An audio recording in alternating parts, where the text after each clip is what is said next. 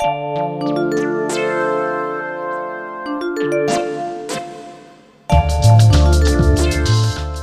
og velkommen tilbake til en ny episode av podkasten Sofasnakk. Jeg heter Cecilie. Og jeg heter Heidi. Vi er psykologer i Bergen kommune, og vi håper at denne podkasten kan være nyttig for dere ungdommer, men også for lærere og foreldre.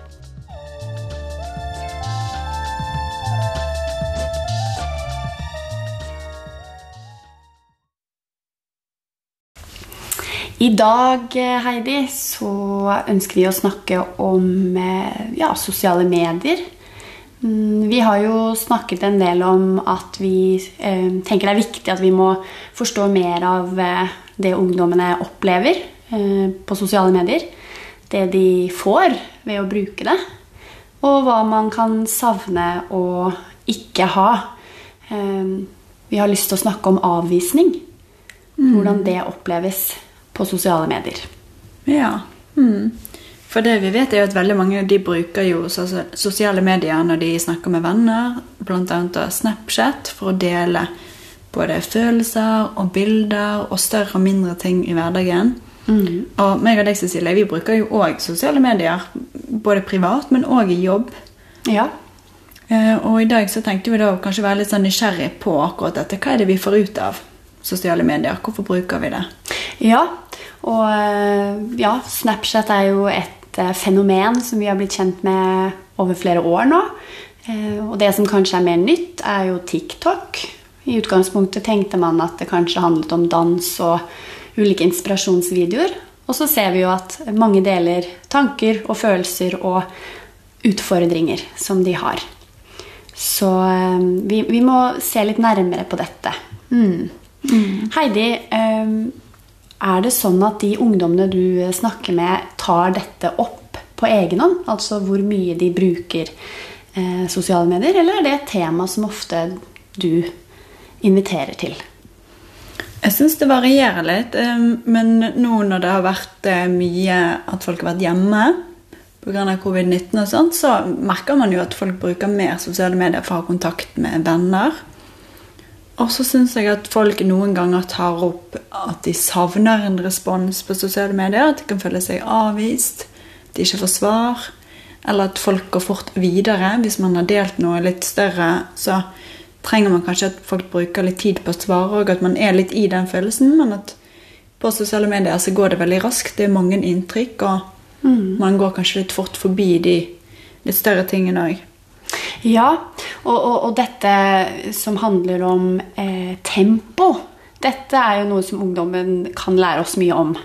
Fordi at selv om vi voksne bruker Snapchat og etter hvert og så, så har vi kanskje en TikTok-bruker for å følge litt med, så, så tror jeg at ungdommene har eh, dette enda mer under huden, og de har kontakt med enda flere. Men det er noe med hva slags kontakt har de egentlig? Og når de kommer til oss, og noe oppleves sårt og vanskelig, så ser vi ofte at eh, det som skjer på Snapchat eller TikTok, det kan forklare noen av de vanskene de har. Eh, Jeg husker veldig godt, Heidi, en, eh, en ungdom som var ensom. Altså det var det ordet hun brukte. Syntes det var vanskelig å ta initiativ på skolen. Men syntes det var veldig behagelig å bruke Snapchat for eksempel, og Instagram. Mm. Problemet var det at eh, hun fikk ikke, som du var inne på, eh, de svarene hun trengte. Og hva gjør vi da? Skal vi da si til ungdommen at eh, du bør bruke, bruke mer tid? Du må være tydeligere? Dette er jo noe jeg syns vi voksne også må snakke med ungdommene om. Hvor mye kan deles der? Um, så jeg lurer litt på, Heidi, hva, hva tenker du om um, hva, hva, kan vi egentlig dele? Ja, mange deler jo veldig mye. Sant? Det føles lettere å dele ting på sosiale medier. Kanskje pga. den det er litt mer distanse, og man slipper å se uttrykket eller se reaksjonen til den man deler det med. Og kanskje er det lettere å bare skrive noen ord der enn å skulle fortelle og kanskje risikere å begynne å gråte når man forteller det. Ja. at mange rapporterer at det er lettere og tryggere å dele det på sosiale medier. Ja, og det tror jeg er et viktig poeng. At det er viktig at vi voksne også forstår at det kan oppleves trygt. Fordi i media, og også blant oss voksne som jobber med ungdom, så får vi ofte en påminnelse om at vi må hjelpe ungdommene med å tenke på eh, lover og regler, hva som er, kan være farlig med sosiale medier. Men det er klart at mange opplever det som en trygg arena i utgangspunktet. F.eks. også når det gjelder eh, det å være mer intim. Sant? Det å skulle dele noe mer av seg selv. Det, det, da tror jeg vi ofte har eh, lyst til å tenke trygghet og sikkerhet og si til dem at dette må du ikke gjøre. Da tenker du på nakenbilder? Nakenbilder, andre ja, bilder, innhold som handler om at ungdommene ønsker kontakt og prøver å bli kjent med hva de liker, hva, hva slags respons de kan få. Som er en del av en normal utvikling. At man, man ønsker å finne ut av seg selv. Men så kan det bli utrygt. Og barn og unge de har jo krav på og trenger hjelp til å vite hva som er lov og ikke lov. Men jeg lurer på om vi også kan noen ganger lukke det, det rommet hvor de tør å fortelle oss om ting, når vi da kanskje kommer med pekefingeren, og at det ikke alltid er så lurt å gjøre. Mm. Bare det. At vi må på en måte se hva behov sosiale medier fyller, ja. eller hjelpe de til å finne det andre strategier. Sånn som mm. man gjør med andre mestringsstrategier som har en funksjon, men som på sikt kan være negativ. Sånn som da selvskading eller folk som har vanskelig forhold til rus eller mat. Mm. At det handler ikke om å ta vekk mestringsstrategiene, men å endre strategi. Ja, mm. Og så tenker jeg at uh, ungdommene de, det er en grunn til at de fortsetter med det de gjør. Så for at vi skal kunne forstå dem bedre og etter hvert hjelpe dem med å finne andre strategier, så må vi jo først virkelig forstå hva er det de får ut av dette. Mm. Og trygghet og eh, ja, trygghet til å dele, de, de, øver seg rett og slett. De øver seg eh, kanskje mer på Snapchat og TikTok enn de gjør på skolen. Mm. Og det er noe vi kanskje må forholde oss til i større grad enn før. Vi sier ja, prøv å snakke med noen på skolen. Men det de kanskje gjør, er at de går til sosiale medier istedenfor. Mm. Så vi må faktisk være mer opptatt av hvordan den treningen foregår der. Ja, mm. Og kanskje hjelpe de med å bruke det sosiale medier som et springbrett til å ha måte kommunikasjon med andre mer sånn fysisk, sånn som vi ofte tenker at det er en fordel. da. Ja. Både for å kunne få en respons som er litt stopper litt opp og gir litt mer enn det de gjør kanskje på Snapchat. Mm. For det er jo sånn at altså Jeg kan jo òg kjenne på det når jeg sender en snap til mine venner. Hvis jeg ikke får noen respons, mm. så kan jeg lett føle meg litt avvist eller oppleve at de ikke svarer som en sånn tegn på at de mm. ikke er interessert. Ja, og det er litt sånn Dette er jo spennende, Heidi, fordi litt avvist, sier du. Og det er jo klart at hvis du har sendt den snappen til ganske mange, så vil jo du risikere å få den eh, lille eh, avvisningsopplevelsen forsterket, for du får den kanskje hver gang du merker at en ikke har svart. Og jeg tror det er nettopp det som ofte skjer med ungdommene. De sender ut til veldig mange i nettverket sitt. Og da er man mer sårbar, kanskje. Mm. Og så er jo da spørsmålet hvorfor får man ikke svar? Det er det jo mange av ungdommene som lurer på når de kommer til oss. Ja. Og ofte så handler det gjennom tempoet, sant? og når man åpner en snap, eller hva det skulle være. Og dette er jo noe sånn, Jeg er jo veldig klar over det, så jeg prøver jo da å tenke de alternative tankene istedenfor å tenke at de ikke er interessert. Så tenker jeg de har sikkert ikke hatt mulighet eller mm. tid, mm. eller kanskje de Av og til så åpner man jo det litt fort. Og trykker man litt vekk, og så har man egentlig helt fått sett hva det var. Eh, og prøver på en måte å holde det litt oppe. Og så kan jeg òg gi beskjed. Sant? Noen ganger så sier jeg ifra til vennene mine at jeg, jeg savner litt svar. Nå syns jeg det har vært litt lite når jeg har sendt det ut. Mm. Kan dere svare meg litt mer, eller? Jeg spør hva er det det handler om. Ja, og det, og det, å tørre det, det er det jo mange av uh, ungdommene våre som syns er veldig vanskelig. Og de er kanskje Det er ikke noe de har erfaring med, men det kan være godt for dem, tror jeg, å høre litt våre erfaringer på dette. Og at vi tar det på alvor at dette er kanskje noe som er vanskelig. Og at vi kanskje kan øve litt på det når vi snakker med dem. Hva er, hva, hva er ulike alternativer eh, som man kan svare på? Mm. Eh, og så er det jo sånn, eh, tenker jeg, at eh, den eh, avvisningen som ofte umiddelbart oppstår, det er jo gjerne frykt.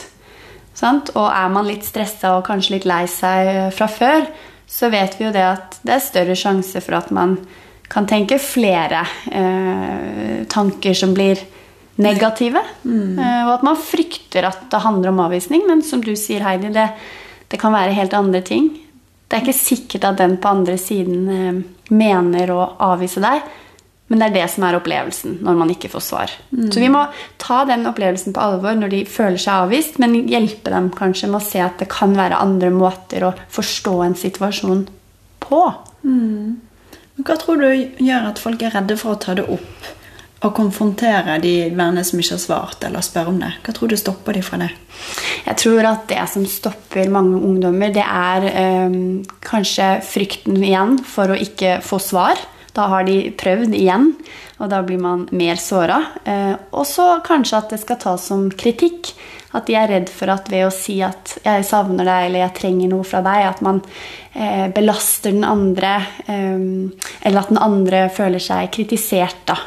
Um, og da må vi jo kanskje også snakke om dette, da. Er det det man egentlig gjør ved å si jeg, jeg, trenger noe, eller 'jeg savner deg', eller 'det hadde vært fint å møtes', eller eh, 'det hadde vært hyggelig å høre hva du tenker om dette'. Altså, det er jo et kompliment til den du snakker med. At at eh, det er noe som jeg gjerne ønsker um, å få da, eh, sammen med deg, eller få til.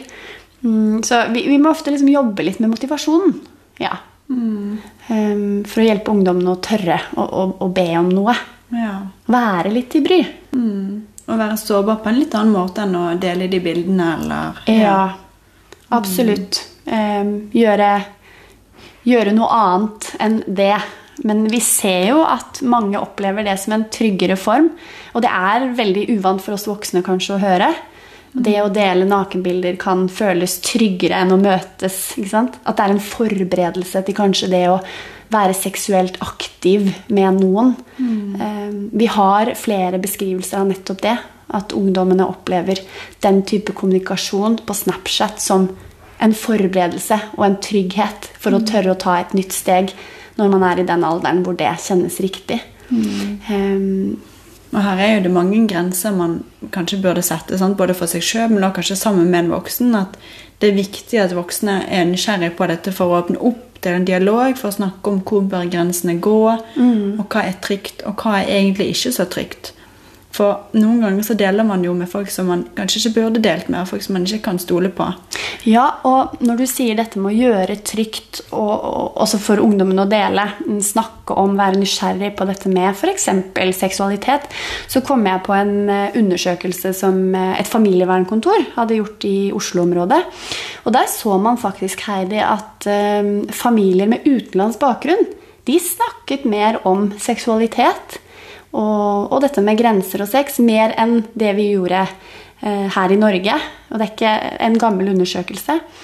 Og kanskje henger det sammen med at en del andre land har kulturelle tradisjoner hvor det er naturlig å, å være mer tydelig på grenser. Hvor vi i Norge kanskje eh, tenker at ungdommene har noe mer frihet. Eh, det kan jo også være bra, men, men frihet må også eh, betyr at vi fortsatt følger med og er nysgjerrig mm. på hva de opplever. Og eh, om ikke foreldrene spør, så tenker jeg at da finner de informasjonen et annet sted. Ja, Og, og grenser er jo òg omsorg. Mm. Absolutt. Absolutt. Og vi, jeg tenker at det er bedre at de får noen svar hos eh, noen andre enn ja, f.eks. pornoindustrien.